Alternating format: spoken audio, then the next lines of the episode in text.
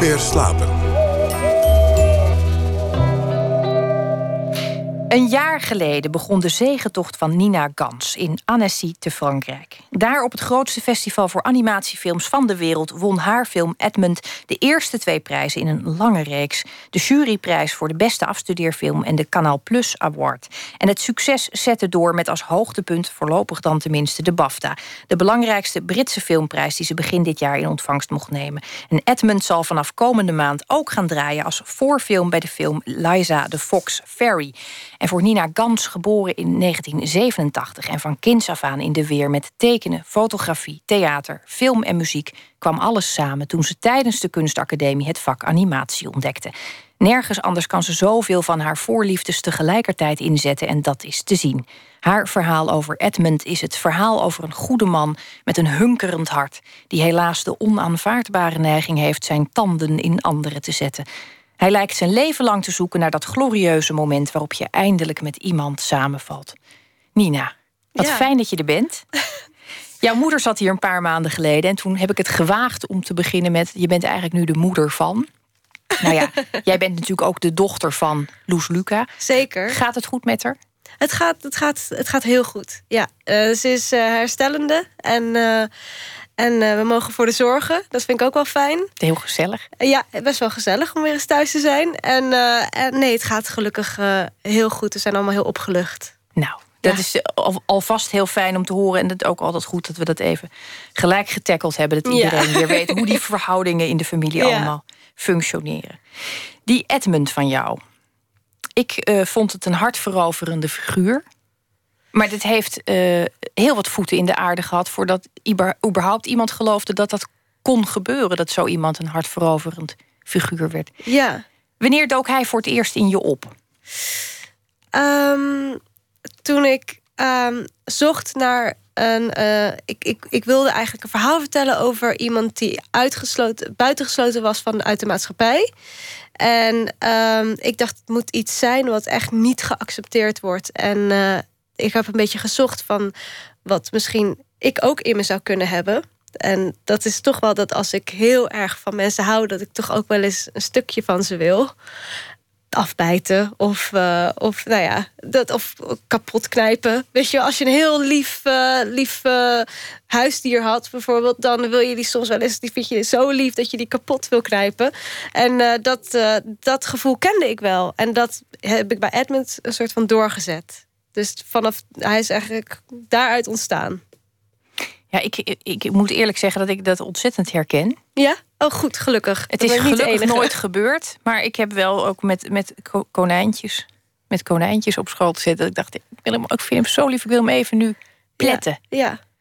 ja. Nou, het is inderdaad een, een vrij uh, onaanvaardbaar trekje als je dat hebt als mens. Ja, maar hij heeft dat ervaren. Ja, en, uh, en hij, wil dat, hij wil één worden met mensen. Ja. Toen jij dit vertelde, want het is je afstudeerfilm, dus dan zijn er nog allemaal mensen die daar iets van moeten vinden. Uh, waren er toch ook een heleboel docenten die zeiden: Nou, hoe wil je nou van zo'n man nog een leuke, gezellige, aaibare figuur? Ja, ik heb er echt voor moeten vechten. En uh, ik geloofde er ook op een gegeven moment zelf niet zoveel meer in. Want ik heb heel veel research gedaan in uh, cannibalisme. Maar dat is toch niet echt uh, waar dit verhaal over gaat. Want, um, want ja, het, dat, dat, dan ga je eigenlijk heel ver van een karakter afstaan. Want dat begrijp je gewoon niet. Als, als mensen echt mensen willen opeten. Maar Edmund wil dat uit liefde. Die wil één worden met mensen uit liefde. En dat is toch. Toen heb ik dat allemaal aan de kant gezet. En ben ik uh, het gewoon uit mezelf gaan, in mezelf gaan zoeken, zeg maar. Um, en toen heb ik gelukkig de, de leraren weten overtuigen dat het kon. En vooral door hem heel zacht te maken. Echt letterlijk heel zacht te maken. En zijn uitdrukkingen heel lief te maken. En uh, vooral te laten zien hoeveel uh, liefde die toonde. En hoe ongelukkig die zelf ook was met zijn... ja, toch cannibalisme. Ja, er zitten, er zitten hartverscheurende scènes in een aantal. Er is één blik die, die trof me ontzettend. nou goed, we moeten natuurlijk niet mensen gaan die film nog zien. Ja. Maar er, dat moment waarop hij dan even de volle blik de zaal inwerpt daar alleen staat en ook gewoon beseft dat het niet kan wat hij doet, maar ook die onmacht, die, dat is ontzettend roerend uh, gedaan. Heel even terug naar je research. Want je, uh, je, noemt, je, je noemt het terecht. Ik dreef ontzettend af van waar het bij Edmund over gaat. Tijdens die research kwam je natuurlijk bizarre dingen tegen als je het over cannibalisme hebt. Er zat ergens een Japanner in, ja. begreep ik, die een vrouw had opgegeten. Een Nederlandse vrouw. Ja, dat wist ik helemaal niet. Maar die, en die man is ook uh, helemaal, die is wel opgepakt geweest. Die heeft daar inderdaad vermoord en toen, nou ja, opgegeten, stukjes. En, um, en die is toen opgepakt. Maar daar weten ze, wisten ze in Japan niet zoveel meer mee te doen met die man. En die is dus vrij. En omdat hij niet geen baantje meer kan vinden, hij kan nergens meer aan de bak, want iedereen kent hem als de kannibaal, doet, komt hij dus in, in spelshows in Japan als de boze wolf. Komt hij dan langs? Dus dat is gewoon echt, uh, nou, het is echt van de gekken. En ik werd er helemaal onpasselijk van. Want hij doet ook nog steeds, dan nodigt hij meisjes uit binnen... en dan neemt hij het op en dan laat hij zijn boek zien... met al de, de krantenknipsels erin over hem. En dat neemt hij dan op. Nou, het is echt, het is heel erg. Dat, vinden ze in Japan heel grappig. Ja, ik weet het niet. Ik weet het niet. Ik snap het niet. ik, maar ik, eh, ja, ik, eh, ik heb dat snel weggelegd. Daar kon ik echt helemaal niet. daar kon ik helemaal niks mee. Ja. Nee, nee, ik kan me voorstellen dat je dan denkt... ik moet, het, ik moet deze kant in ieder geval niet opbewegen. Ik moet het uit mezelf uh, gaan halen. Kun jij je herinneren wanneer je dat voor het eerst had? Voor het eerst dat je bij iemand...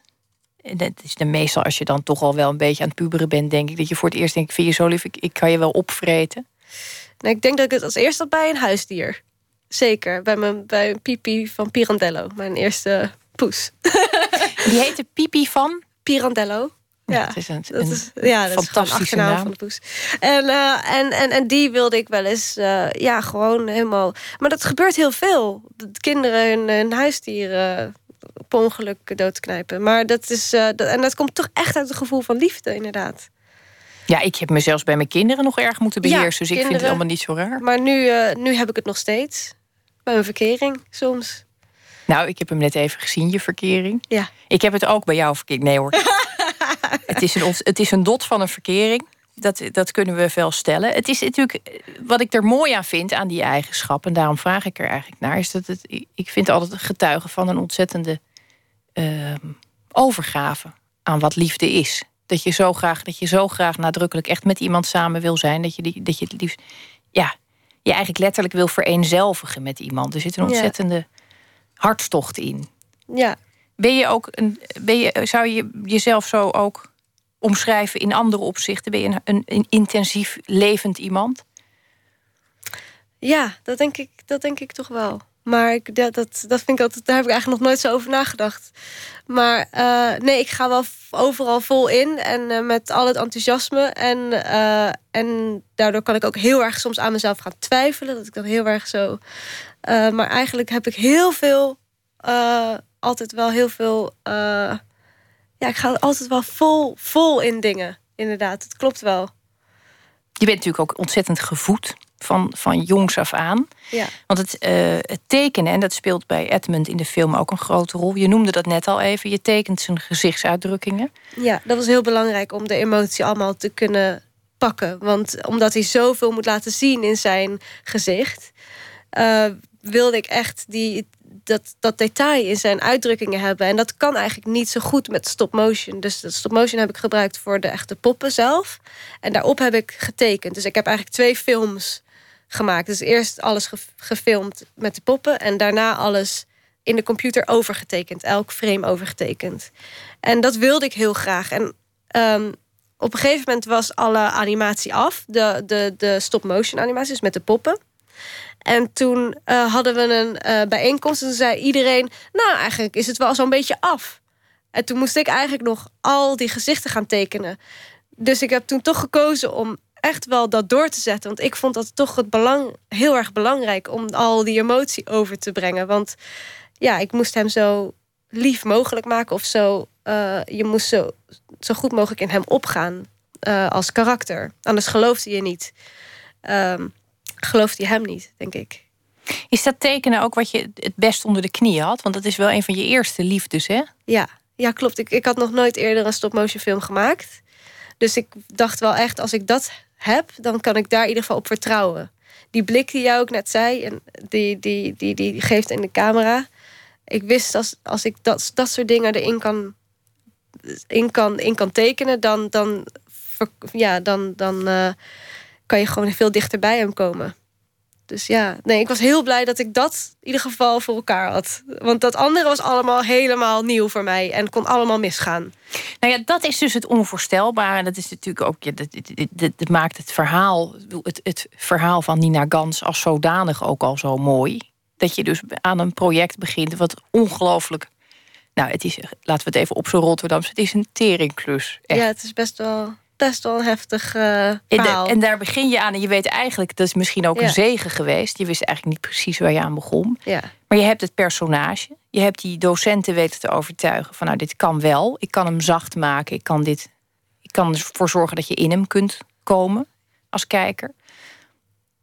Dan begin je eigenlijk nog. Nou, dan, dan kies je voor stop motion. Daar weet je op dat moment nog heel weinig de weg in.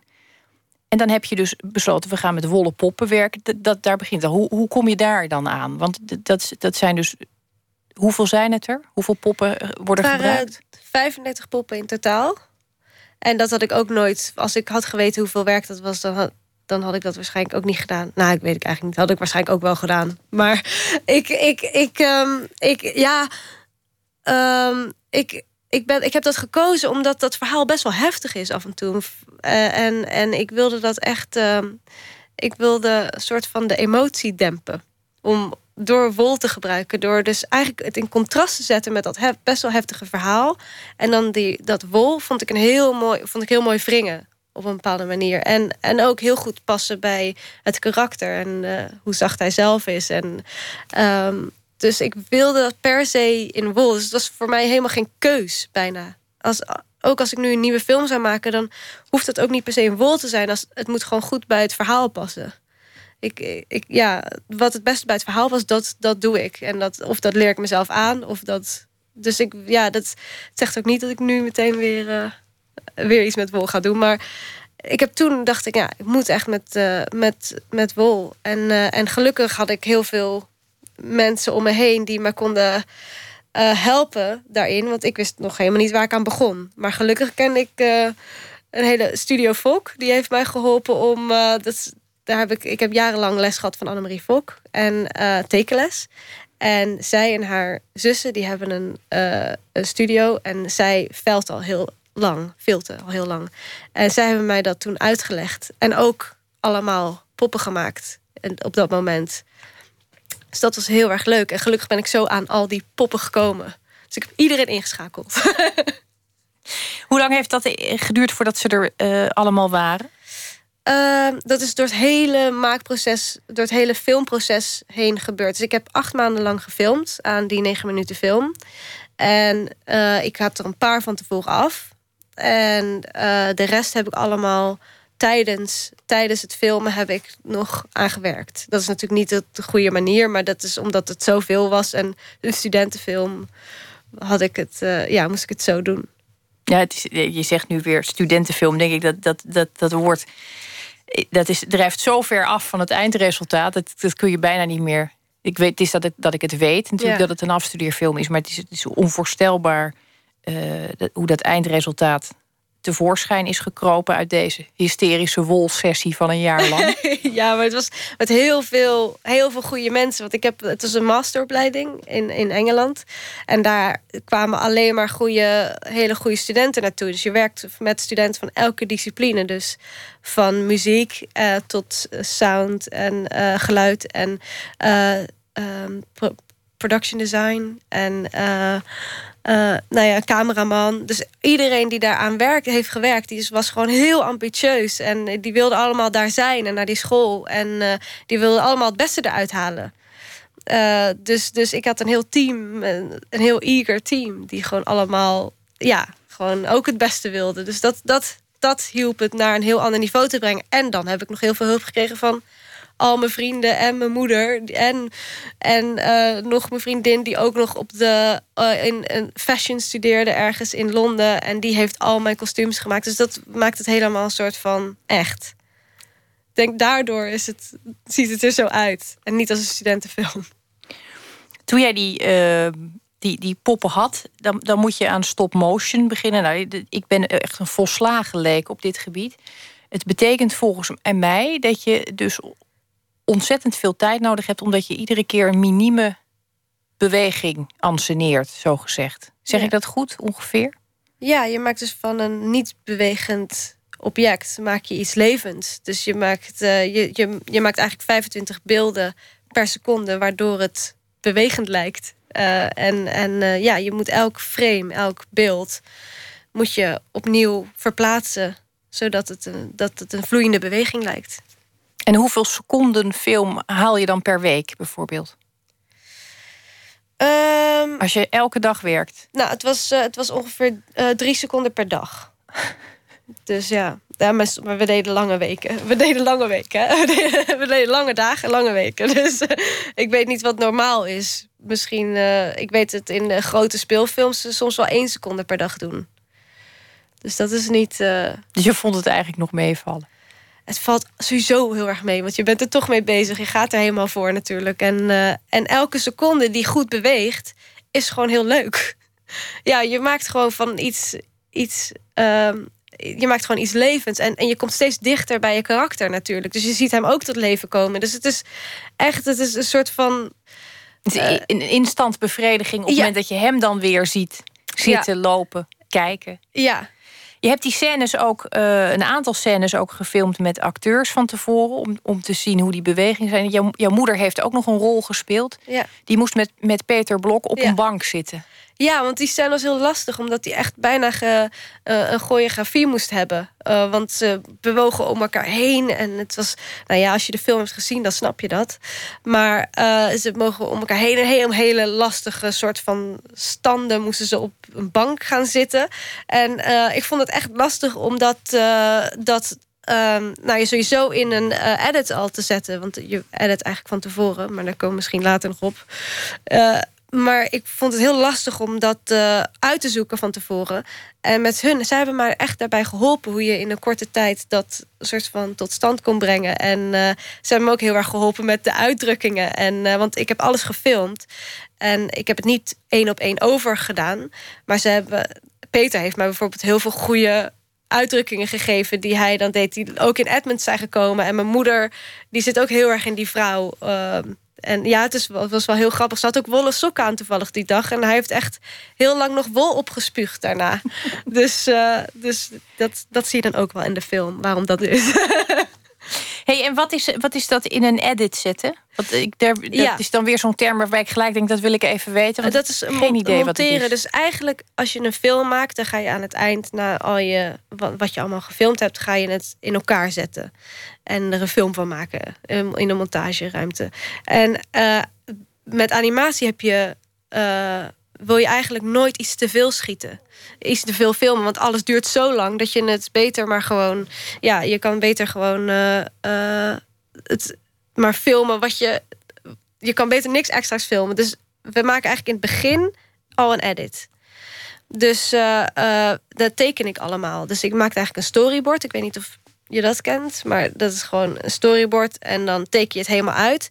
En dan zet je alle, alles wat er gebeurt al in die edit. En dan heb je, kan je hele team ook al bekijken hoe het gaat worden. En, en je kan precies tot de seconde laten zien... nou, dit heb ik nodig van dit shot. En dat ga ik filmen. En dan, uh, ja, dan film je niks extra's. Dus dat is, heel, dat is heel handig voor ons.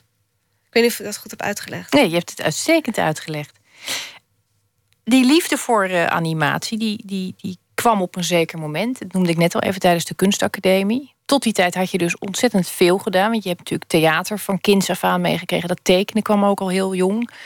Uh, nou ja, film, muziek. Je zat eigenlijk ontzettend in de, in de voedzame hoek met alles. Ja. Maar er is een moment geweest op die kunstacademie... dat je voor het eerst besefte... dat komt allemaal samen eigenlijk in die animatie. Kun je je de eerste animatiefilm herinneren... waarbij je dat aha-gevoel had? Ja, dat weet ik. Dat, denk ik dat ik dat nog weet. Maar dat, eh, dat, dat is uh, van Jan Swankmaier. Uh, Dimensions of Dialogue. En da, dat is eigenlijk de eerste animatie die ik zag. Wat dus niet voor kinderen was. Omdat ik dat eerst wel nog een beetje in mijn hoofd had. Eh, en ook absurd, absurde vertellingen en heel weinig uh, dialoog. Dus Dimension of Dialogue mm, zonder dialoog. En dat was ook een, uh, een, een, een openbaring voor mij. Dat je eigenlijk zoveel kan vertellen zonder woorden te gebruiken en met heel veel beelden. En ik ben altijd meer gericht geweest op beelden maken. En, en uh, zeker niet zoals jij, waarschijnlijk veel meer met woorden. Maar ik, ik, ik wil dat mij altijd daarmee op richten. Dus ik zag dat helemaal vormen en dat absurdisme en surrealisme erin. En toch dat je heel erg uh, emoties over kan brengen. Zonder woorden. En heeft dat toen nog lang. Want dat vind ik er dus zo intrigerend aan. Je, je, moet ontzettend veel met je handen kunnen. Maar je moet daarnaast ook. Er zitten ontzettend veel technische kanten aan. Waarbij je echt met, met, nou, met heel veel geduld te werk moet gaan. En heel erg. Uh, nou ja, dat, en je werkt ontzettend veel samen. Er zijn ook heel veel kunstenaars die dat al niet kunnen. Dus het is een ongelooflijk complex gebied, lijkt mij. En jij dacht juist, ha, nu duik ik erin. Ja, ik dacht er niet zo over na, denk ik. Dus eigenlijk, ja, ik ben er vrij naïef in gegaan. En ook omdat ik het begon met alles zelf tekenen natuurlijk. Dus ik kon het heel erg bij mezelf houden. En ik heb alles zelf uitgezocht toen. En, uh, en ik denk dat dat heel veilig was juist. Je hoefde eigenlijk, ik hoefde helemaal niemand erbij te hebben... om mijn hele wereld te creëren. Want ik heb heel... Ja, dit, mijn eerste film die ik daar toen op de Sint-Joost heb gemaakt... die heb ik uh, bijna alleen gemaakt. En ik heb wel heel, natuurlijk uh, wat hulp gehad van een, als, iemand... die al op de onder, een afdeling zat onder mij. En um, dat is wel leuk. Maar in principe was het heel veel op mezelf. En dat is ook zo veilig. Dat je het helemaal je eigen wereld kan creëren... wat je in je hoofd hebt. En, en, en dat, dat in je eentje kan maken. Maar dan verlang je ook soms wel eens naar met meer mensen werken. En uh, met meer mensen praten ook. Het is namelijk best wel heel alleen, alleen vak. Als je alleen maar in een donkere ruimte zit te tekenen de hele tijd. Nou, je noemt net uh, bij die film van die, die Tsjechische animator... die dus voor het eerst dat gevoel gaf dat het allemaal kon. Noem je ook specifiek dat je dat het je opviel dat het niet schattig was. Het was niet voor kinderen, het was ook niet. Het had iets duisters. Ja. Wat, wat, wat trekt jou daarin aan, dat duisteren? Want in Edmund zit het, zit het natuurlijk ook. Je wil iets zichtbaar ja. maken wat normaal gesproken in het, in het donker blijft. Ik denk dat het. Ik vind het sowieso interessant om daar iets over te vertellen, omdat het toch wel een, een spannende, spannend ja, ik, ik, ik denk dat ik het ook altijd in contrast wil zetten hoor. Want ik, ik vind het heel, wel heel goed om over iets uh, donkers te praten. Maar daar moet altijd iets lichts tegenover staan, denk ik. Want anders dan kan je ook je, je punt niet maken, denk ik. Want Edmund is soms heel erg is een donker verhaal, maar hij heeft ook wel komische, komische stukken daarin. En ik denk dat het daardoor juist zo goed werkt. Ik, ik weet niet zo goed waarom ik nou altijd op dat donkere blijf. Maar ik denk dat ik. Uh, dat een interessante wereld vind. Misschien omdat, het, omdat ik zelf zo gelukkig ben. ik weet het niet. dat het iets is wat ik nog niet ken. nou, ja, god, ik zat wel over na te denken. Uh, je bent zo ongeveer op Theaterfestival de Parade ben je opgegroeid. Je bent omringd door, door eigenzinnige, liefdevolle, creatieve geesten. Uh, hardwerkend ook. Dat heb je ook meegekregen. Inspirerende mensen om je heen. Ik dacht, jee, wat een rotjeugd. Alles bij elkaar.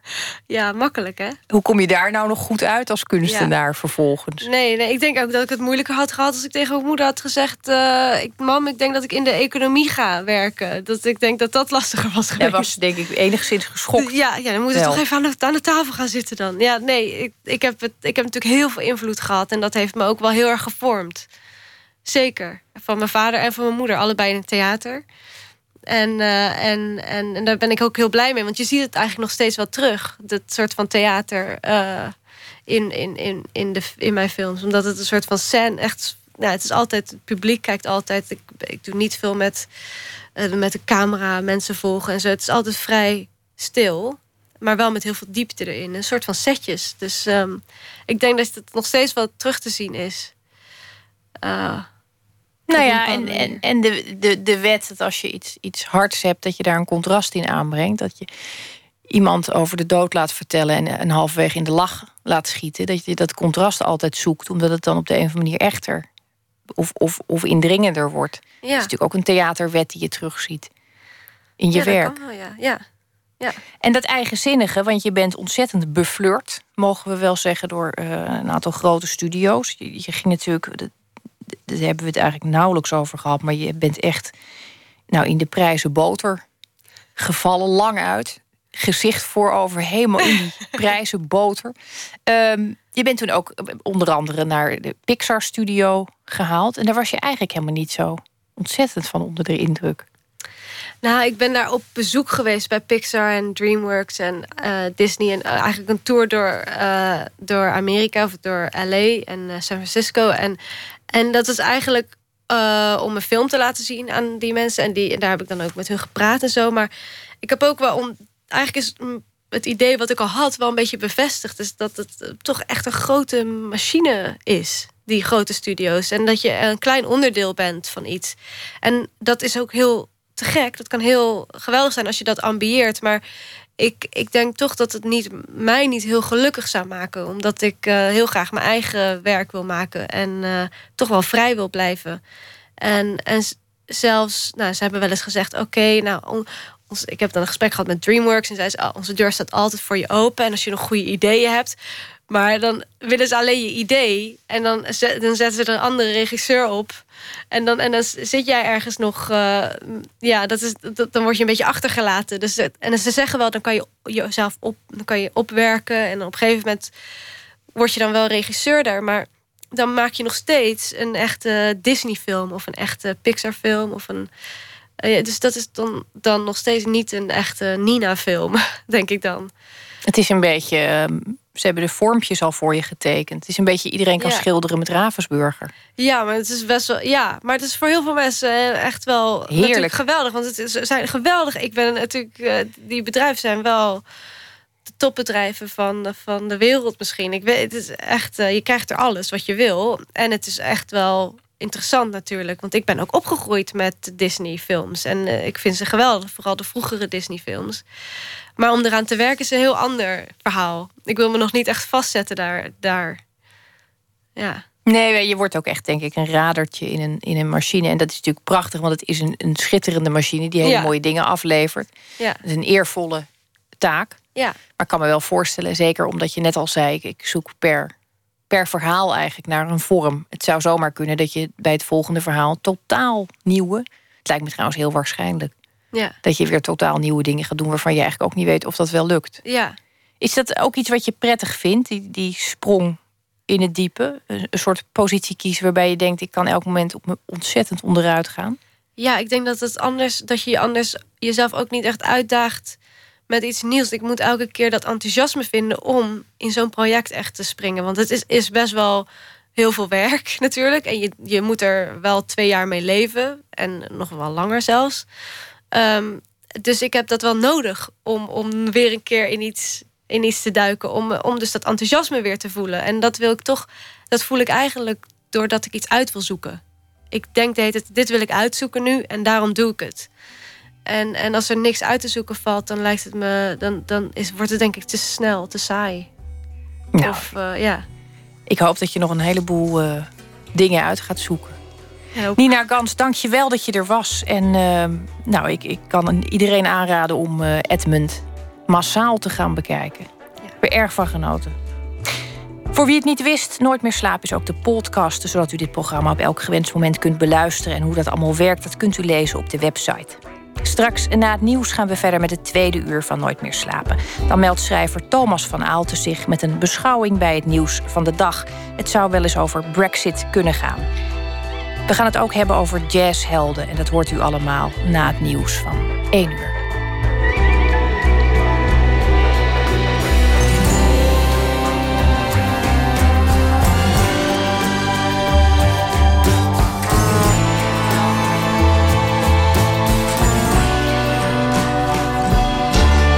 Radio 1, het nieuws van alle kanten.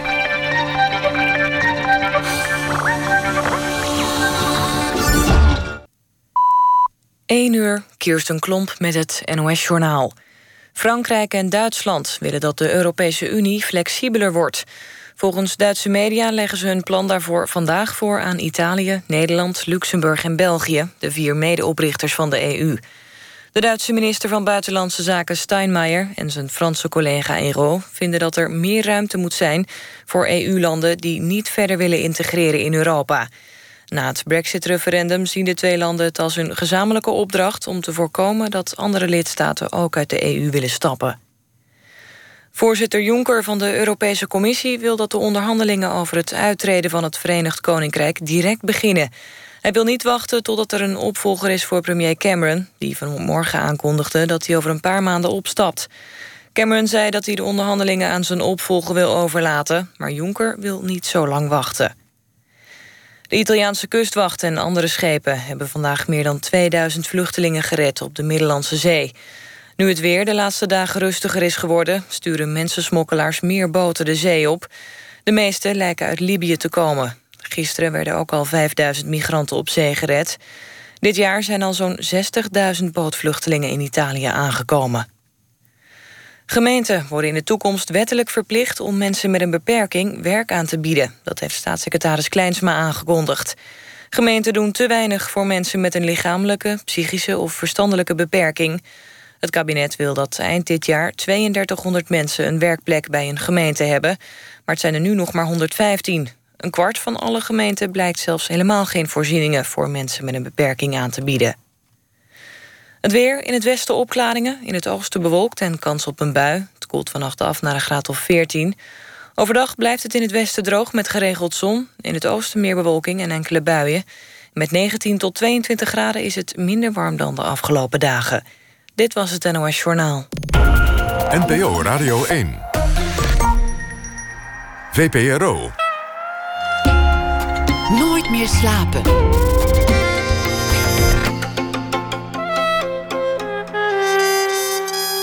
Met Esther Naomi Perquin. Welkom terug bij Nooit meer slapen. De Meisjes, het romandebuut van de Amerikaanse schrijfster Emma Klein, wordt wel de literaire gebeurtenis van het jaar genoemd. Of dit terecht is, vragen we straks aan Roos van Rijswijk, die onlangs zelf succesvol debuteerde met de roman Onheilig.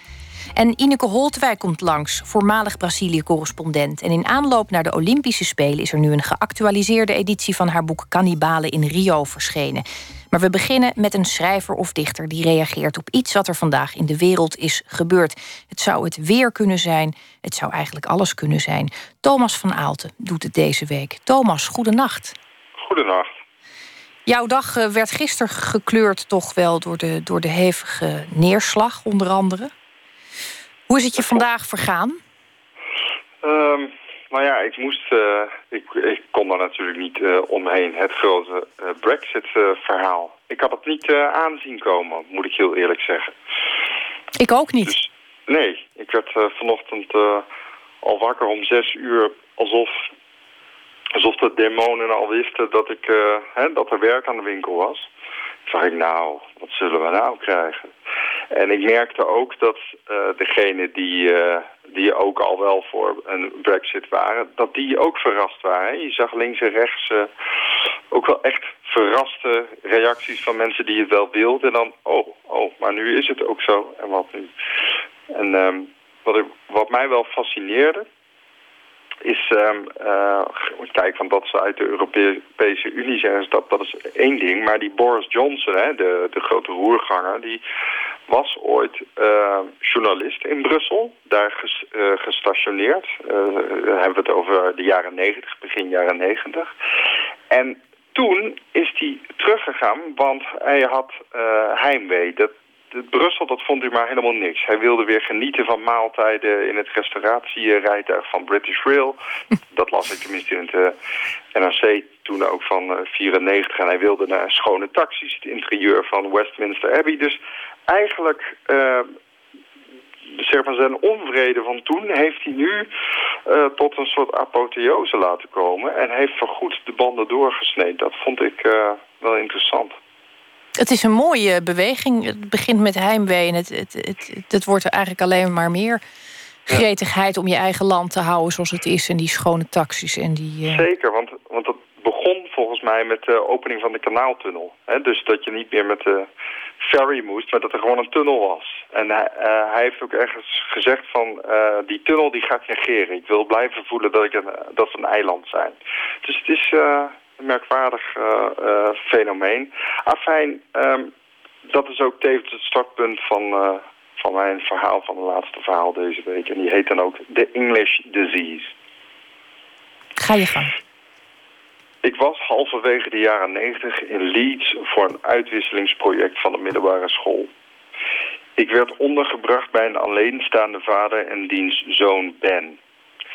In een logeerkamer met bloemrijke motieven op de wanden moest ik slapen. De ruimte was slecht geventileerd. Er hing een weeige lucht van natte aarde. Toen ik ochtends ontwaakte ontdekte ik dat de vader al naar zijn werk was en Ben naar school. Het huis was stil. Er was geen ontbijt. Ik haalde bij een Pakistaanse supermarkt een mars. Ik moest een dag op stage. Het regende in de verlaten buitenwijken. Veel klanten had de handel in muziekinstrumenten niet. Ik mocht als klusje de drumsleutel stellen, maar de eigenaar liet me ook een keyboard zien. Daar mocht ik best op spelen, als ik dat wilde. Een dag later gingen we op excursie naar de school van Ben... waar we mee mochten kijken bij een natuurkundeles... die nog saaier was dan een natuurkundeles in Nederland. Op vrijdagavond sloten we de week af in een pub. Ben dronk liters bier. Ik dronk niets. Drink dan cider, zei Ben in de overvolle pub. Ik dronk een glas cider om de lucht te klaren. Een uur later braakte Ben op de vloer van de pub. Ik moest hem begeleiden naar huis. We stapten in de verkeerde bus. En na de terugtocht met de ferry van Hul naar Hoek van Holland... probeerde ik de week Leeds uit te leggen aan mijn ouders. Maar ik kwam eigenlijk niet verder dan een slecht geventileerde kamer... met wanden vol bloemrijke motieven. Thomas van Aalten, dank je wel. Het is een, uh, een prachtige bijdrage in deze uh, Brexitiaanse dag. Ik uh, wil je ook bedanken voor je, voor je bijdrage van deze week. En ik wens je ontzettend goede slaap toe. Ah, nou, die kan ik goed gebruiken. Tot, tot later. Dag. Passenger is de artiestennaam van de Britse singer-songwriter Michael David Rosenberg, die overwegend akoestische pop maakt. En zijn achtste album is aangekondigd met de prachtige titel Young as the Morning, Old as the Sea. En dat album verschijnt pas in september, maar we kunnen deze single alvast laten horen: Somebody's Love.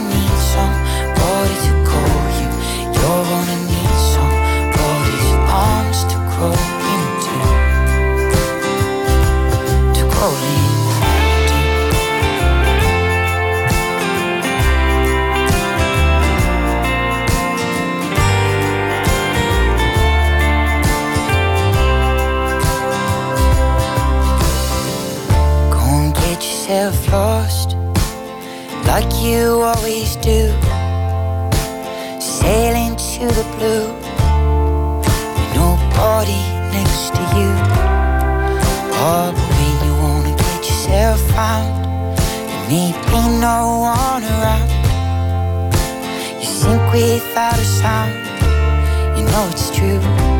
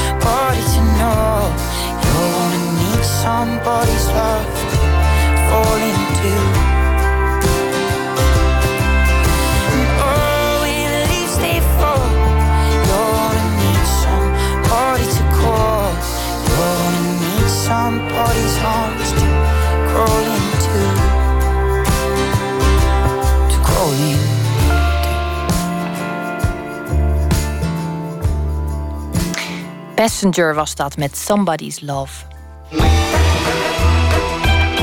Nooit meer slapen. Bijna 50 jaar na dato brengt het verhaal nog steeds de rillingen op je rug. De gruweldaden van de Manson Family.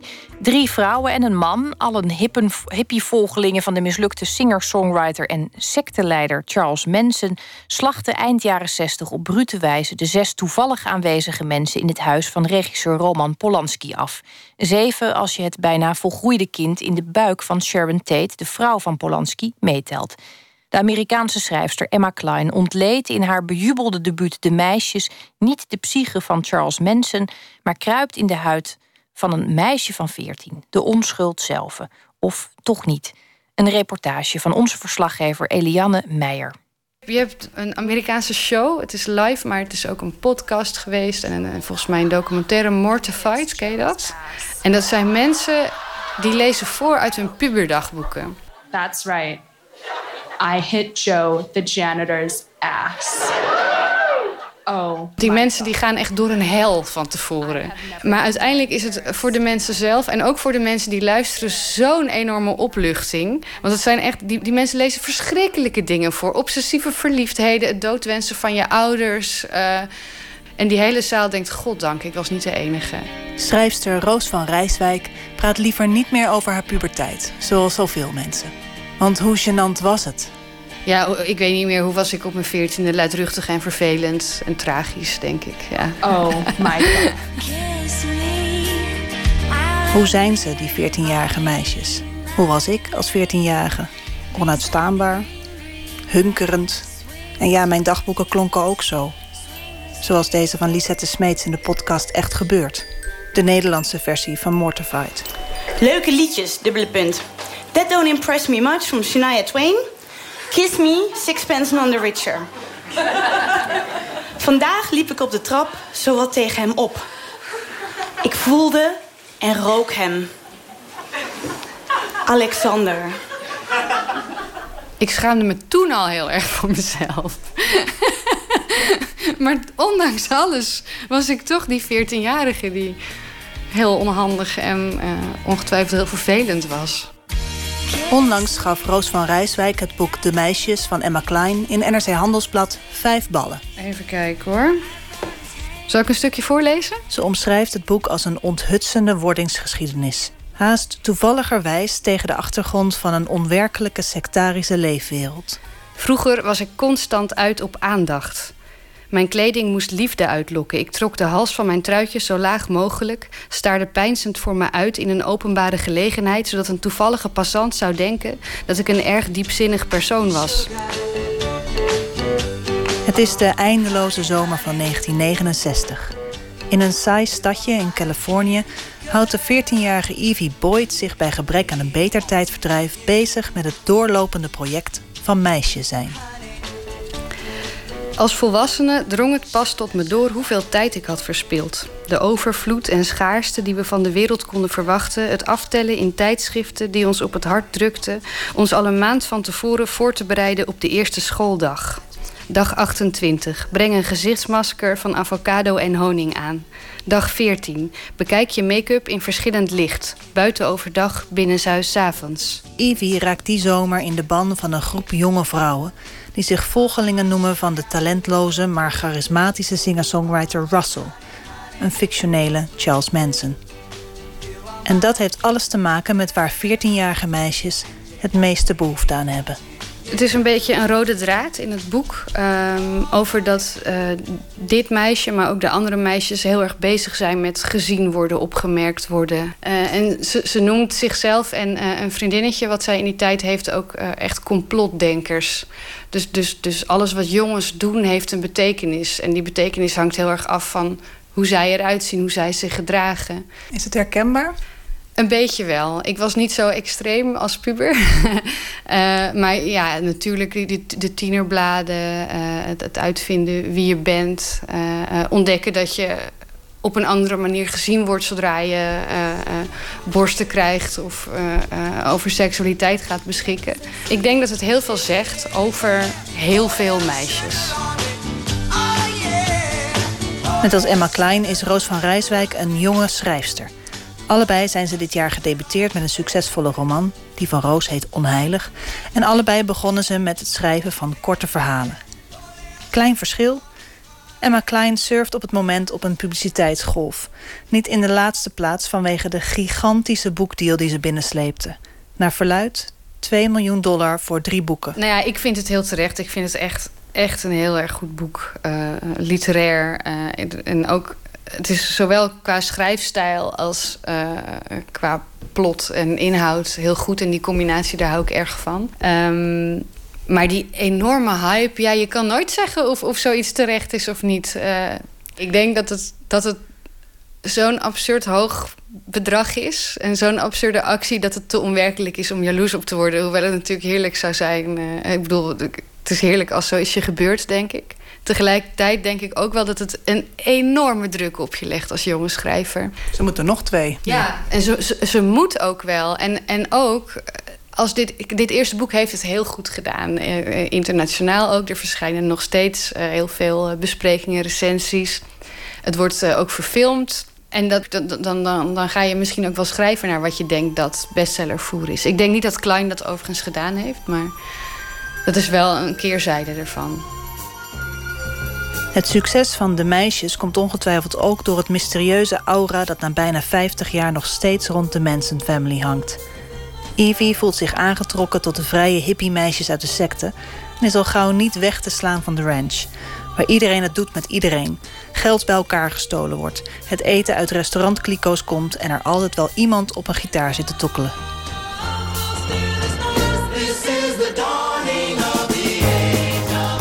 Ja, het is een, een, een, een utopie waar dat je wel aan voelt, in mijn mening, dat er iets niet juist zit. Matthias van de Vijver is een van de acteurs van het gezelschap Lars Doberman. Hij verdiepte zich voor de theatervoorstelling De Manson-familie in de aantrekkingskracht van Charles Manson. Charles Manson is alles en hij is niet. Emma Klein heeft de sfeer van toen in haar boek goed getroffen, vindt hij. De samenleving barstte van de brave burgers, aldus Russell. De willoze slaven van de institutionele macht. Even gehoorzaam als platgespoten proefdieren. De mensen op de ranch functioneerden op een heel ander niveau. Verzetten zich tegen deze wurggreep. En wat maakt het uit dat je je brave bedeburgers manipuleerde om het hogere doel, om een betere wereld te bereiken? Als je dat oude contract verbrak, had Russell ons voorgehouden niet meer luisteren naar al die stompzinnige angstzaaiende tactieken van maatschappijleer en kerkboeken en de schoolrector, dan zou je ontdekken dat er niet zoiets bestond als goed en slecht. Naast zijn vrijzinnige ideeën verbleekten de traditionele denkbeelden tot holle frazen, medailles van een regime dat niet meer aan de macht was. Ja, dat is exact wat mensen ook deden. En in, ik vind het heel uh, vet dat je zou ontdekken dat zoiets als, als goed en slecht niet bestaat omdat ze in een ander leven... Dat is ook wat mensen ook heel veel zeggen. Eh, als jij zegt dat ik iets fout heb gedaan in uw wereld... Ik heb geen besef van wat dat goed of fout is. Ik vind dat niet goed of fout. Dat bestaat niet voor mij. Die interviews op YouTube, daar heeft hij het heel vaak over. Not in my world. Wie ben je? I'm nobody. Nou, fantastisch. Dat staat er wel heel erg op aan dat hij ook daar stampen tegen de tegen de maatschappij van uh, sleurt onderuit en je wordt vrij, je wordt een vrij mens. Cease to exist. Just come and say you love me. Als je gevoelig bent en in een situatie zit waardoor dat je sowieso vatbaarder bent en je komt zo iemand tegen, het is een gevaarlijke cocktail. Denk ik wel, ja. Evie loopt in haar hunkering naar erkenning als een hondje achter een van de jonge vrouwen aan die uiteindelijk deel zouden nemen aan de gruwelijke moorden. Evie ontspringt de dans op het nippertje. Maar als het aan haar had gelegen, was ze meegegaan. Het gaat Emma Klein dan ook niet om de aantrekkingskracht van Russell of Charles Manson, maar om het grijze gebied tussen goed en kwaad, zoals ze ergens in een interview zegt. Het, het feit dat, dat Evie dat ook had kunnen zijn, uh, zo'n moordenares, dat, dat, dat vond jij volgens mij ontluisterend of uh, verontrustend. Uh, ik vind dat verontrustend, maar ik vind het ook heel raak en, um, en goed. Juist dat, dat er in dit boek niet een verschil wordt gemaakt uh, tussen de good guy en de bad guy. Uh, zij komt inderdaad uit een omgeving waar er een heel groot verschil is tussen goed en kwaad. Uh, en waarin ze dat verschil erg, heel erg aan het uitvinden is. En zij voelt, voelt wel dat onrustige voorgevoel. Maar ze gaat wel mee. Ze stopt er pas mee als het wordt tegengehouden. Ze moet echt tegengehouden worden. En, en, en dat, dat is wel heel um, cru. En dat zegt ze zelf ook. Ja, ik, weet, ik was er ook waarschijnlijk ook in staat geweest tot die moorden, tot die gruwelijkheden. We zijn niet allemaal uh, ik ben niet anders dan die anderen. Daar hebben wij ook heel hard mee zitten, over zitten discussiëren van uh, de, de schuldvraag. Theoretisch gezien is ze niet schuldig. Ze heeft geen misdaad gedaan. Ze heeft geen deel gehad aan de moordpartijen. Dus oké, onschuldig. Net zoals Charles Manson eigenlijk, dat ze heel veel moeite hebben gehad om hem aan te klagen, om hem veroordeeld te krijgen omdat hij zei van, ja, als ik zeg van, uh, springt van die rots, springde jij dan, onnozeleer. Ik zei van, oh, moeten die mensen eens omleggen. En dat hebben ze gedaan. Dat is mijn schuld toch niet? Ben je schuldig, ja of nee? I don't know. One is the loneliest number that you'll ever do. Evie moet leven met de consequenties van haar betrokkenheid. En zelfs in de vrouw van middelbare leeftijd die terugblikt voel je nog het 14-jarige meisje dat ze was. Eenzaam, zoekend, hunkerend. Ik was aan het wachten op iemand die me zou vertellen wat er goed aan me was. Later bedacht ik dat dat wellicht de reden was dat er zoveel meer vrouwen dan mannen op de ranch waren. Al die tijd dat ik mezelf had zitten evalueren, de artikelen waarin stond dat het leven eigenlijk een wachtkamer was totdat iemand je opmerkte. En de jongens gebruikten die tijd gewoon om zichzelf te worden. Ik ben echt verliefd. Hoewel de definitie van liefde aan mij nog redelijk onduidelijk is. Ik hoop op een goed begin van mijn liefdesleven met Alexander.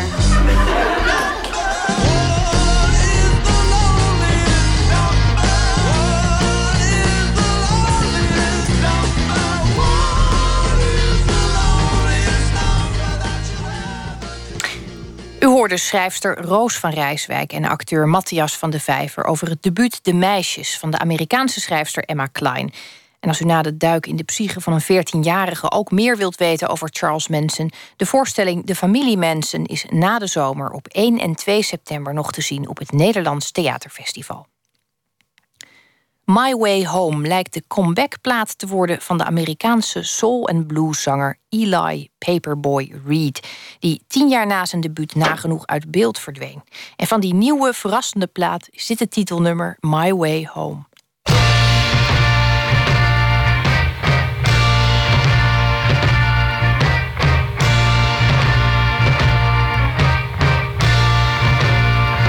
When I can't run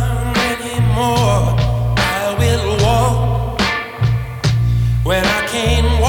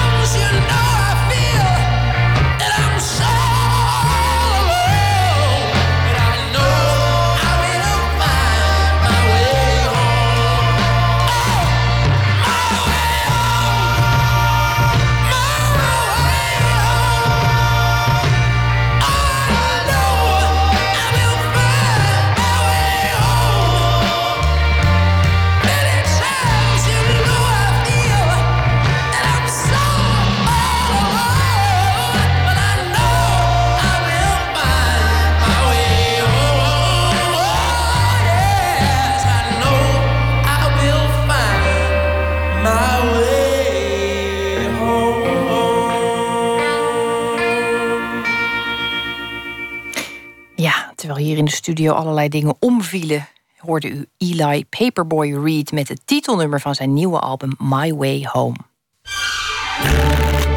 Open kaart. In onze rubriek Open Kaart trekt de gast kaarten uit een bak met 150 vragen over werk en leven. En deze keer doen we dat met Ineke Holtwijk. Ze was jarenlang correspondent in Zuid-Amerika voor onder meer de Volkskrant en het NOS-journaal. Zo was zij de eerste journalist die de identiteit van de nieuwe Argentijnse liefde van kroonprins Willem-Alexander naar buiten bracht. En dus ook over de rol van haar vader in de dictatuur berichten. Haar standplaats was lange tijd Rio de Janeiro en van daaruit maakte zij reizen door Brazilië waar ze verschillende boeken over schreef. In 95 publiceerde ze het boek Cannibalen in Rio, dat met een gouden ezelsoor werd bekroond. De prijs voor het best verkochte debuut. En met het oog op de komende Olympische Spelen paste Holtwijk deze bestseller aan voor een geactualiseerde 2016-editie met nieuwe hoofdstukken en persoonlijke favorietenlijstjes. Ineke, welkom. Ja, Ja, het was dus al een heel graag gelezen boek. En nu zitten er ook nog lijstjes in. Ja, daar had ik zo'n ongelooflijke zin in. Want ik, ik woon natuurlijk al twee, meer dan twee decennia. En ik krijg de hele tijd mensen op bezoek. En die zeggen altijd van ja, waar moeten we eten? Als het regent. Jeetje, wat kunnen we nu doen in Rio? Dus eh, ja, ja, en ik, eerst begon ik dat altijd uit te tikken. En dan stuurde ik mensen toe en zo, mijn vrienden dat toe. Of ik print het uit. En nu dacht ik, weet je, het lijkt me ontzettend leuk om al die. eh, lijstjes, dus bij elkaar meer lijstjes te verzinnen, ook zelf weer op onderzoek uit te gaan en, eh, en dat dus eh, het boek mee te geven. Ik vond het echt heel erg leuk om te. En ik ben ook heel eigenzinnig geweest. Bijvoorbeeld, er staat niks over carnaval in en niks over voetbal. Want ja, daar heb ik er zelf helemaal geen zin meer in. Ik doe, heb er alleen maar de dingen ingezet van ik echt denk van nou, die vind ik absoluut de moeite waard. Het zijn ook niet lijstjes die je terugvindt in de gids. Daar heb ik mezelf eh, heb ik geprobeerd om dat niet te dubleren. Nee, nou, dat is natuurlijk ook het heerlijke aan dat Heb je ze gelezen, de lijstjes? het, eh, Heb je wel gekeken? Ja, ik heb de lijstjes bekeken. En eh, ja, ik word sowieso altijd heel gelukkig van lijstjes. Maar dan moet ik wel eerlijk zeggen... dat een van mijn favoriete hoofdstukken... dat is het hoofdstuk over seks en liefde. En ik vroeg me ook gelijk af... is daar nog veel in veranderd de afgelopen twintig jaar? Nee, ik denk eigenlijk in de basis niet. Weet je, Brazilië is zo'n land, er verandert heel veel, maar er gebeurt weinig. Of het, je kunt zeggen, er gebeurt heel veel, maar er verandert weinig. Oftewel, je hebt voortdurend het gevoel dat je in een eh, tornado zit van gebeurtenissen. Maar als je kijkt naar de bottom line, is dat eigenlijk altijd hetzelfde. Dus ehm, wat wel eh, zo is, is dat Braziliaanse vrouwen zijn enorm eh, meer geëmancipeerd. We hebben natuurlijk eh, eh, dus geëmancipeerd. Dat zie je terug in eh, de beroepen waar je ze tegenkomt. Hè. Bijvoorbeeld bij de banken, de financiële sector zijn ze heel goed vertegenwoordigd. Je ziet ze ook opstormend op de universiteiten. We hadden vandaag dat onderzoek in Nederland over die meisjes die het veel beter doen dan jongens. Nou, iets dergelijks zie je ook in eh, Brazilië terug. En eh, nou, ik weet niet of je dat herinnert, een paar weken geleden was er die collectieve verkrachting. Herinner je dat nog? Nou, er was een, eh, een, een meisje eh, verkracht door een groepje jongens. Het speelt zich af eh, in de sferen van eh, een funkfeest, eh, drugsgebruik vlakbij de Sloppenwijk, et cetera, et cetera. En ehm, dat meisje, eh, dat kwam, eh, die is naar de politie gegaan met haar moeder. En eh, dezelfde avond, ik reed naar, eh, door het centrum, ik was in Rio en ik reed naar het centrum. En toen zaten daar op de trappen van het vroegere parlement, het zijn hele hoge trappen, zaten daar honderden, misschien wel meer dan duizend jonge vrouwen, diezelfde avond nog. Dit is het, de kracht van social media, allemaal in zwarte kleren en eh, met eh, spandoeken, om dus te protesteren tegen die collectieve verkrachting. En eh, ja, dat is een soort. ehm, eh, en daar werd dus ook dat hele onderwerp opnieuw aangekaart van hoe mannen tegen ons aankijken, dat willen we niet meer zo. Eh, Dus je ziet wel, eh, daar zie je wel wat. Ja, dat klinkt toch als een, als, een, als een verschuiving die is ingezet. Ja, maar kijk, de basis, de bottom line is... eh, jaloezie is het parfum van de liefde. Dat vond ik ook altijd heel mooi. Ja, en liefde is oorlog. Ik was vanavond ook met onder andere een Braziliaanse... en die zei, hadden we het er toevallig hadden we het daar ook over... en die zei van, ja, want we zeggen dan... als we dan s'avonds uh, uitgaan, zeggen we... vamos a la guerra. Ze gaan op jacht. Dus ja, dat is de bottom line. En uh, ik wil de zeep zijn die je lichaam wast. Herinner je die nog? Dat Ja. is de liefdesverklaring. Ik wil de zeep zijn. Ja, ik vind dat... Uh... Dat is de bottom line. En die is ongewijzigd, kan ik je zeggen. Nou, ik ben toch ook blij dat sommige dingen gewoon stabiel zijn gebleven. Ik ga jou uh, de kaartenbak in laten duiken. Okay. Je bezegelt je eigen lot. Ja, ik zou zeggen, het is vreselijk. Het sla is je vreselijk. slag. Ik heb er een bril voor meegenomen. Ik mag één per keer, geloof ik. Jazeker. Oké, okay, goed. Wat zou je aan jezelf veranderen? Oh jee, zoveel. Nou, wat een spontaan en snel ja. antwoord ook. Ja, nee, de, dan moeten we natuurlijk ergens toch beginnen. Of iets, uh, iets, iets, iets aanpakken waarvan je denkt... nou, dat zou ik nou als eerste even doen. Uh, wat dacht je van kilo's? Kilo's. Het is een heel erg vrouwenonderwerp, maar goed. Nou. Dus kilo's. Kilo's en dus zeg maar, dan, wat zou je in jezelf veranderen? Denk aan een goede voornemens met oud en nieuw. Is het, is het, scheelt het dan nog waar je woont, waar je bent? Of je daar meer of minder bewust van bent? Nou, dat is een heel interessant punt. Want uh, wat mij opvalt, is dat... Kijk, in Brazilië is uiterlijk ontzettend veel... überhaupt in Latijnse cultuur is uiterlijk heel erg veel belangrijker. En uh, mensen sloven zich enorm uit om eh, gezien te worden. Vrouwen, vrouwen, mannen ook, maar vrouwen met name natuurlijk. En je hebt daar ook de jong zijn cultuur. Dus het is, tot een, het is eigenlijk wel ehm, ontspannend om dan weer als oudere vrouw, als ik het even kijk, want in Brazilië ben je dus oud als je boven de 30 bent. Ja, zo simpel is het. het is, ook die, dat is niet We moeten het accepteren. We moeten het accepteren. Dus dat is ontspannend als je dan in Nederland bent. In Nederland is dus die druk niet zo. En die druk op het uiterlijk is ook minder. En uh, dus dat, maar de, dat gezegd hebbende, dus in Rio bijvoorbeeld, in Rio zou ik in een korte broek kunnen rondlopen. En in Nederland zou ik dat toch niet snel doen. Dus er zit wel iets uh, door de tropen, word je ook wel weer lossiger op een bepaalde manier. Maar misschien komt het wel omdat als je boven de 30 bent in Rio toch bijna niemand meer naar je kijkt, weet ik. het is een complex probleem. Ja, weet je, ik zit, denk nu opeens, dat is een heel klein uh, detail, maar dat vond ik ook interessant. Ik heb altijd van mezelf gevonden dat ik dik, dikke benen had. En ik herinner me dat ik op een gegeven moment in Noordoost-Brazilië uh, s'avonds een rondje liep. Uh, over de boulevard, een beetje hardlopen. En dat ik toen uh, uitgeput neerzeeg op een stenen bank daar bij de, op de strandboulevard. En dat er toen uh, twee meisjes druk begon te praten en toen moed vatten en mij aanspraken en zeiden: We vinden dat je zulke mooie benen hebt. En dat was heel erg interessant. Ik was nog niet zo heel erg lang in Brazilië. En toen ontdekte ik dat hun schoonheidsideaal is ook een ander schoonheidsideaal dan het onze. Dus stevige benen vinden zij mooi. Wij zijn dus heel erg, zeg maar, natuurlijk het uh, uh, slank en alles moet eigenlijk dun zijn. Nou, en dat is bij hun dus niet zo. Dus ze houden van dikke konten en stevige benen. Maar bijvoorbeeld ook van kleine borsten. Dus dat vinden ze dan weer minder. Neem nog een vraag, alsjeblieft. Oké. Okay. Voor welk werk schaam je je? Nou, weet je, het allereerste, het is de eerste associatie die ik hierbij heb. En uh, je noemde uh, net die primeur over Maxima. En ik weet nog heel goed dat ik dat heel erg uh, moeilijk vond. Ik kreeg, dat, dat ging als volgt. Ik was bezig met heel serieus werk over Venezuela. En, en ik zou ook naar Venezuela toe, geloof ik. Dus politieke verslaggeving, zeg maar. En toen kreeg ik een fax uit Amsterdam. Uh, dat was de Stan Huygens uh, rubriek in de Telegraaf... waar dus een beetje smeug werd beschreven... dat Willem-Alexander daar verschenen was met een nieuwe vriendin... in een zwarte jurk en die dronk rode wijn en ze was Argentijnse. En toen vroeg dus de, mijn baas, de chef buitenland... van Ineke, kan je hier eens even achteraan bellen, want ze is Argentijns. Nou, dat was het begin van die speurtocht. En ik weet dat ik eigenlijk alles wat ik moest doen over... Uh, Willem-Alexander, Maxima, dat koningshuis vond ik, daar schaamde ik me eigenlijk voor. Want ik vond het zo frivol. En ik had zo het idee van, dan zit ik daar een beetje daar in die pot te roeren. Terwijl die jongen is verliefd en, en, uh, en, ja, en, en ik weet nog heel goed dat ik dus de, de man te pakken had. Die uh, via dat speurwerk kwam er dus iemand uit die de familie kende en Maxima kende. En toen vroeg ik hem van, uh, nou ja, god, uh, hoe, hoe oud is ze en wat doet ze en zo. En wat doet de vader? Ja, wat kan je allemaal vragen?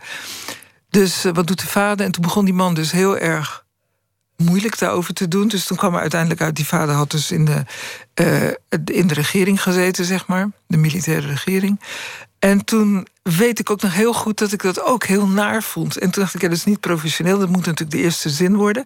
Maar ik heb dat speciaal de tweede alinea van het stuk gemaakt... om het niet zo hard te laten aankomen. Dat was, ik was dus voortdurend in een rol was ik beland... waar ik mezelf eigenlijk niet graag in zag. En waar ik me ook een beetje voor geneerde. Dat ik al die...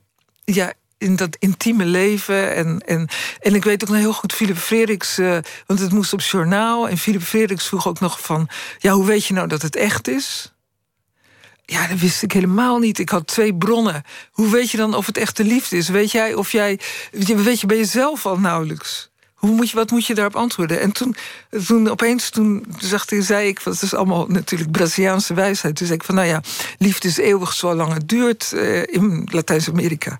Want dat had ik in Brazilië geleerd. Dat kan een uur zijn. Dat, dat... Precies, daar had ik mij dus mooi van afgemaakt. Maar snap je, ik zat dus de hele tijd in een rol die ik eigenlijk niet wou... over een onderwerp waar ik eigenlijk heel weinig van wou weten. Dus het is mijnste. Uh, en, en het nog steeds is dat wat mij het meest wordt nagedragen. Dus altijd, als ik erg verschijn, dan zeg ik ja, primeur van Maxima. En dan, dus dat is eigenlijk, ja, nu vind ik het wel grappig dat het zo gebeurd is. Maar dat was schaamte. Ik vind het wel mooi, een mooie schaamte ook. Ik vind het ook eh, toch heel prettig om dan te merken dat, dat, dat je je dat realiseert op dat moment. Er zijn natuurlijk genoeg heigerige, nieuwsgarende types actief. Dat, is ook, dat, dat heeft blijkbaar ook een functie en een nut. Maar het is toch mooi, vind ik, dat er even gerealiseerd wordt dat bijvoorbeeld Willem-Alexander zich natuurlijk ook in een kooi bevindt. Dus het is ook een beetje makkelijk stenen gooien, denk ik soms. Ja, achteraf waren ze heel erg blij, omdat als iemand een vriendin is van de kroonprins, dat kan je als Rijksvoorlichtingsdienst niet aankondigen. Een verloofde wel, maar zover was het nog niet. Dus je hoopt eigenlijk op dat iemand het ontdekt, zodat het toch uh, dat ze zich kan vertonen. En hij is daarna ook uh, hem verschenen. Dus ja, nou, en we achteraf bezien was dat. Uh... We hebben er natuurlijk ook wel een hele tijd een ontzettende nationale hobby aan overgehouden. Toch? Dat heeft, heeft ons ook veel goeds gebracht, die hele toestand. Ja. Een laatste vraag, alsjeblieft. Wie was de eerste dode die je hebt gezien hebt? Ja, hier moet ik echt even over nadenken. Maar ik denk toch wel dat dat mijn oma was. Heb je daar nog herinneringen aan? Jawel.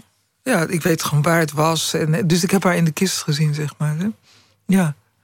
Ja, dat ik, ik moet zeggen dat dat uh, een dode zien uh, iedere keer vind ik dat heel erg schokkend. Omdat ik gewoon niet kan voorstellen. Omdat, nou, jij weet dat zelf ook. Je kijkt naar iemand en het is net alsof hij ieder moment zijn ogen open kan doen en iets tegen je kan zeggen. En toch weet je dat het niet zo is. Dat het een onzield lichaam is. Hè? Dat het een, een huls is. Het had ook van plastic kunnen zijn, maar zo voelt dat niet.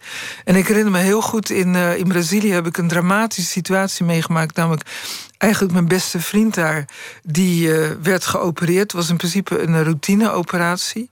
En um, hij was herstellende van die operatie, kreeg een nieuwe heup. En toen is hij uh, overleden aan een embolie. Dus dan krijg je zo'n vetklonter, zeg maar, die in de bloedbaan terechtkomt. En, uh, en zijn vrouw belde mij zo'n beetje als eerste op. En toen ben ik dus daar onmiddellijk naartoe gegaan. En toen lag hij daar in bed. En toen was hij bij wijze van spreken nog warm. En toen. Uh, ja, want ze was totaal in paniek. Wat hadden we helemaal niet verwacht. Hij was heel goed aan het herstellen en het was allemaal. En, en toen had ik nog zoiets van: ja, zal ik me aanraken? Maar dan kon ik mezelf niet toezetten. Vond ik ook gewoon zo eng. Terwijl, ja, Wat dat... heel merkwaardig is, hè? Want je, je houdt van iemand. Ja. En dan toch is, er, is het een soort grens waar je dan ook niet meer overheen kunt, blijkbaar. Ja, het was. Uh... Maar ook om, omdat het bijna, ja, het is bijna als een soort ja, heilige schennis is niet het woord, hè, maar zoiets. Hè, dat je als het ware in een sfeer drinkt die terwijl ik dacht, ja, dat zou ik nu kunnen doen. Ook even voelen hoe dat voelt en zo. Maar nee, ik kon het niet opbrengen. Nee, ja, iemand, maar het was niet uit onaardigheid, maar het was meer uit, uit vanaf dat gevoel van uh, dat hoor je niet te doen. Iemand is, uh, iemand is niet meer van jou, iemand is ergens anders. Ja. Misschien zoiets. Ja. Nou, dat is in ieder geval, als er iets duidelijk is geworden door deze kaartenbak, is het wel dat je ontzettend op een fraaie manier bewust bent van grenzen. Je kunt er overheen kijken, maar liever niet per se doorheen steken. Hartelijk dank dat je er was. Geen dank, graag. Ineke Holtwijk. En de geactualiseerde editie, dat zeg ik nog even, van Cannibalen in Rio is dus verschenen bij uitgeverij Balans. Dankjewel. Nooit meer slapen. Er ontstaan iedere dag talloze nieuwe websites. En het lijkt daarom ook een beetje vergeefs om er aandacht voor te vragen. Je zou bijna denken dat het iets achterhaalds heeft inmiddels, een website. Maar toch ging onze nachtcorrespondent, en dat is vandaag Matthijs Deen, op de uitnodiging in om te komen kijken naar de doop van de website jazzhelden.nl. Matthijs, wat trok daar precies jouw aandacht? Nou, ik ben geen jazzkenner, maar ik vind het toch altijd wel leuk om naar jazz te kijken. Het, het is gewoon iets heel leuks om mensen samen te zien spelen uh, het lijkt alsof ze elkaar niet nodig hebben, maar ze, ze, zwermen van, ze beginnen gelijk, ze zwermen uit, maar ze komen toch altijd wel weer samen. Dat, op een of andere manier vind ik dat gewoon mooi om te zien. Dus ik, ik zou jazz zien, dat vond ik aardig. Maar het is ook iets met geschiedenis. Ik heb ook iets met geschiedenis. En daarom ging ik in op die uitnodiging voor de jazzhelden.nl. En daarvoor ging ik, eh, bezocht ik vandaag Esther, het door jou zo bewoonde Rotterdam. Want daar was in jazz gaande. Er zijn een paar jazzdagen en dat, uh, daar wordt muziek gemaakt en er wordt gediscussieerd. En uh, dat is een en al jazz. En allerlei mensen die elkaar, lijkt het, enorm uh, beminnen, maar elkaar lang niet gezien hebben, komen daar samen en vallen elkaar in de armen. Het is een heel gezellige en gemoedelijke sfeer. Dus de, het Nederlands Jazzarchief, dat zichzelf de schatkamer van de Nederlandse jazz noemt, die dacht: het is een uitgelezen kans om uh, de jazzhelden.nl te gaan uh, lanceren. Nou ja, dan kom je in zo'n zaaltje. En er wordt natuurlijk uh, jazz gemaakt. Dat, is, uh, dat klinkt ongeveer, nou ja, zo. Juist. En daar ging het. Er sprak een directeur, er sprak een voorzitter. Er was een kleine korte discussie, maar er waren vooral filmpjes van de site. En die site, die dus jazzhelden.nl heet...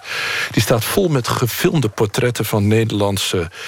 en daar komt het woord weer jazzhelden die allemaal een half uur hebben op die filmpjes om uh, nou ja, te zeggen wat ze met hun muziek hebben, wat hun persoonlijke geschiedenis is, wat ze met hun instrument hebben. En het is allemaal op een beetje een VPRO-manier gefilmd. Het ziet er ook allemaal heel mooi uit. En het ziet er ook heel eenvormig uit. En dan is het ook net alsof het alsof er ook allemaal iets. alsof er zoiets bestaat als één grote Nederlandse jazzfamilie. En uh, nou, zoals vandaag werd uh, bekend, uh, hoe werkt zo'n website? Vandaag werd bekend dat de bassist Wilbert de Jode... die krijgt de Boy Edgar-prijs. Nou, dat is een uitgelezen kans om naar, die, um, om naar te gaan... en te kijken, wat heeft Wilbert de Jode te zeggen over zichzelf... en over zijn instrument. En dan krijg je een fantastisch, fantastisch fragment... waarin hij eigenlijk probeert uit te leggen wat het is improviseren. Hij probeert eigenlijk in woorden te vangen wat niet in woorden te vangen is. Dus op het moment dat iedereen speelt, moet je proberen dus te horen waar wat het geheel doet. En op basis daarvan mag je dan de volgende beslissing nemen. Of neem je de volgende beslissing. Als, als je samenspeelt en ik, en ik wil per se dit, dit, dit, wil per se dit en dit en dit... dan wordt het nooit een collectieve improvisatie. Als ik mijn ogen dicht doe en ik vertrouw op waar het allemaal samenkomt. Het kan echt alleen maar met klank. Dan gebeurt er van alles en dan komt er gegarandeerd een, een ademhalingsmoment waarin de muziek je eigenlijk toestaat of opties geeft om de andere kant op te gaan of te herhalen. En dan, wat dan nodig is, is dat je iets voorradig hebt, een idee, inspiratie, maar ook techniek om dat te kunnen doen. En dat, zijn, dat gaat echt in fracties van seconden, dat soort beslissingen. Ja, het klinkt als een, uh, als, een, als een heerlijk iets om naar te luisteren. Dit. Ik, kan, ik merk ook direct dat ik, dat ik hunker naar het hele verhaal. Ja. Dat lijkt me al een heel goed teken. Waren er ook jazzhelden aanwezig? Ja, er waren wel jazzhelden aanwezig. Er was helemaal in het begin van ons gesprek was even een wat muziek te horen. Dat was uh, Erik Inige die aan het drummen was... met een aantal mensen die wat jonger zijn. Uh, maar dat zijn dus ook mensen die op de site uh, terug te vinden zijn. En er is natuurlijk zo'n moment, dan wordt de site gelanceerd. En dat was, de eer was aan Benjamin Herman, een saxofonist. En die had een uh, pick-upje en daarop uh, zette hij een singeltje aan. En dat singeltje was een jazzversie van Yesterday. En dat viel me op, er was heel veel Yesterday. Er is heel veel Yesterday op die site. Het is echt geschiedenis. Veel nu, maar vooral toen. En hoe belangrijk het is om te weten wat er uh, vooraf ging in de jazz. En waarom is dat? Uh, vraag je je af. Waarom uh, zijn ze het spoorbijster? Zijn ze op zoek naar inspiratie? Ik vroeg dan Benjamin Herman. Ja, kunst in het algemeen is altijd zoekende. Maar wat je nu heel veel ziet, is alles verwijst naar het verleden. Alles is op een bepaalde manier retro. Of het nou avant-garde is, of het nou moderne jazz is wat is moderne? Niemand weet het meer. Maar bijna alles verwijst naar het verleden. Het grappige is dat je zegt, niemand weet wat modern is. Heb jij daar zelf een antwoord op? Wat is nu modern? Nee, nee, ik heb geen enkel... Ik heb geen idee. Ik, ga ik speel steeds ouderwetser. Oh ja? Ja, ja. Ik heb steeds meer lol in uh, de vroege jazzmuziek. En uh, Dixieland luister ik heel veel. Ja, ja. ja dat, dat zoeken dus. Het, het, het gevoel dat je toch enigszins terug moet kijken om je te laven. Uh, niet meer weten wat modern is, valt ook op. Loopt het spoor dood? Is, is, dat, is dat er aan de hand? Nou, ik was wel een beetje geschokt dat, uh, dat hij terugging naar de naar de Dixieland, moet ik zeggen. Want ik, dat op een of andere manier associeer ik dat met iets heel anders... dan met die vrijgevochten uh, jazzclub. De meeste jazzmuzici die daar wat over zeiden... die hadden het over de verstikkende invloed van de, natuurlijk de snel, snelle, eenvormige media... waar zeg maar, een heel nauw en overweldigend aanbod is. En dan blijft de geschiedenis over... om dan toch nog iets van je eigen identiteit terug te vinden. Drummer uh, Erik Ineke, die veel met internationale grootheden speelde... die ik zo net noemde. En die ook in het gelegenheidsbandje speelde in de zaal... met Gideon Tazelaar, Tobias Nijboer en Jesse van Rulle. Die had er ook over dat hij het zo prettig vond dat deze jonge mensen... die soms alleen nog maar 18 zijn, volgens mij is Tazelaar nog maar 18... dat die echt, dat je kan horen dat ze hun geschiedenis goed kennen. Dat ze weten aan wie ze schatplichtig zijn. Je hoort de geschiedenis ook in hun spel. Eh, zij hebben de roots, ze hebben ze ook bestudeerd. En dat vind ik zo belangrijk, want ik vind zonder geschiedenis zegt het niks. Het kan allemaal wel leuke klankjes zijn, maar dan lig ik binnen vijf minuten te slapen. Zo'n website, kan die belangrijk zijn daarin? Ja, die kan zeker belangrijk zijn. Hoe dan? Er zijn mensen gelukkig geïnterviewd die, die uh, dicht bij de echte bronnen hebben gestaan. Wat is het eerste waar u naar gaat zoeken? Naar de mensen met wie ik zelf gespeeld heb, om ze even te horen spelen. Ja. Dat vind ik mooi. Want? Dat doet mij iets. Dan ben je er weer. Dan ben ik er weer, inderdaad. Dat klopt, zeker. Ja. Er ging dus vooral eigenlijk vooral naar zijn oude bekenden en naar zichzelf kijken. Het is inderdaad heel veel terugkijken. Maar het is niet alleen de portretten van die jazzhelden, zoals ze noemen... maar ook documentaire filmpjes over het, uh, over het verleden. Juist opeenstapeling van al die uh, filmpjes... die geeft je een heel bijzonder inkijkje. Dus jazzhelden.nl. Ik vind het toch echt wel heel mooi. Dankjewel Matthijs Deen, het klinkt uh, bijzonder aanlokkelijk. Tot voor kort bracht de Deen Søren zijn muziek uit onder de naam Indians. Maar op zijn nieuwe album prijkt gelukkig maar zijn eigen naam. Dit is Søren met Ambitions.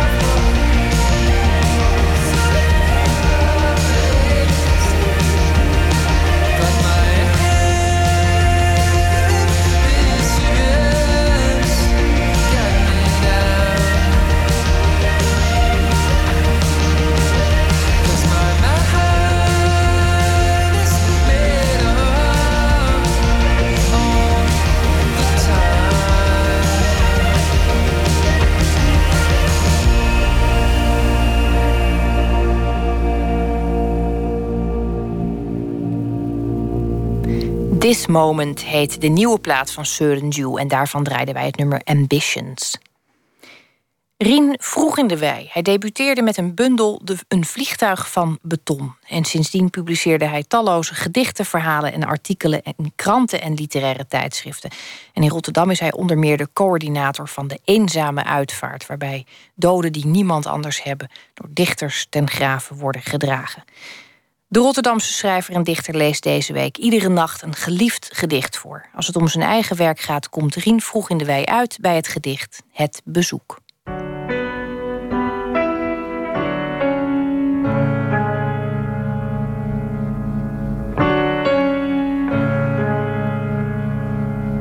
Uh, dit is een gedicht dat uh, heb ik recent geschreven. Het gaat over een van die bezoeken die je op mijn leeftijd helaas steeds vaker moet afleggen. Of moeten, dat doe je. En ik denk verder dat het gedicht wel uh, voor zichzelf spreekt. Het complex is nieuw, de hal is ruim en licht. Er zijn deuren zonder klink aan de binnenkant en er zijn gangen lichte kamers karig ingericht. Een stoel, een tafel, een verrijdbare ledikant. Rozen bloeien in de patio en op een muur staat Gods belofte dat hij u, ja, tot uw grijsheid toe zal dragen. Grijs is de kleur van vuur, dat is uitgedoofd. Sintelbaan naar de eeuwigheid. We zitten samen en kunnen niet meer dan zwijgen. Zwijgen omdat er een niet praten kan. Een bestaan tot een gebaar, een blik verstomt. Een vrouw komt steeds vragen of de bus al komt en loopt dan haastig naar de afgesloten gang. Mijn God, wat duurt de grijsheid lang. Rien vroeg in de wei hoorde u met het gedicht Het Bezoek. En volgende week hoort u gedichten door Jan Glas uitgekozen. Jan Glas is toevallig nou een van mijn favoriete dichters. Dus ik ben erg benieuwd naar die selectie. En ik vertel nog iets over maandag. Dan komt choreografe Connie Jansen langs. Na haar danscarrière richtte zij in 1992 haar eigen gezelschap Connie Jansen Danst op. En deze zomer voeren ze Courage op. Een locatievoorstelling in een oude gashouder in Rotterdam. En de dansvoorstelling gaat over de kracht van de verbeelding en de rijkdom aan fantasie. Dat onder meer maandag. Straks kunt u luisteren naar Botte Jellema met het programma Woord. En het gaat vannacht over Nederlands-Indië. Het eerste uur begint met de documentaire Oorlog in de huiskamer. Een portret van Ria en Henny, de echtgenotes van twee oud-Indiëgangers. Mocht u toch gaan slapen of zelf nog even een oorlog in de huiskamer tot vrede moeten vormen, dan wens ik u daar in ieder geval uh, sterkte bij. En ik hoop dat u komende week weer luistert naar Nooit meer slapen. Voor nu wens ik u een hele mooie nacht.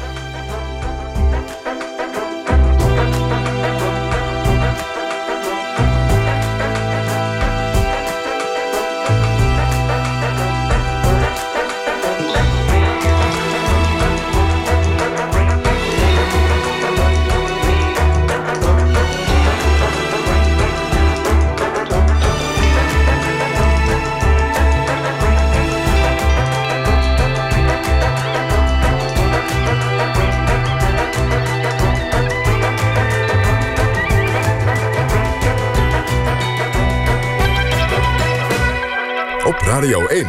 Het nieuws van alle kanten.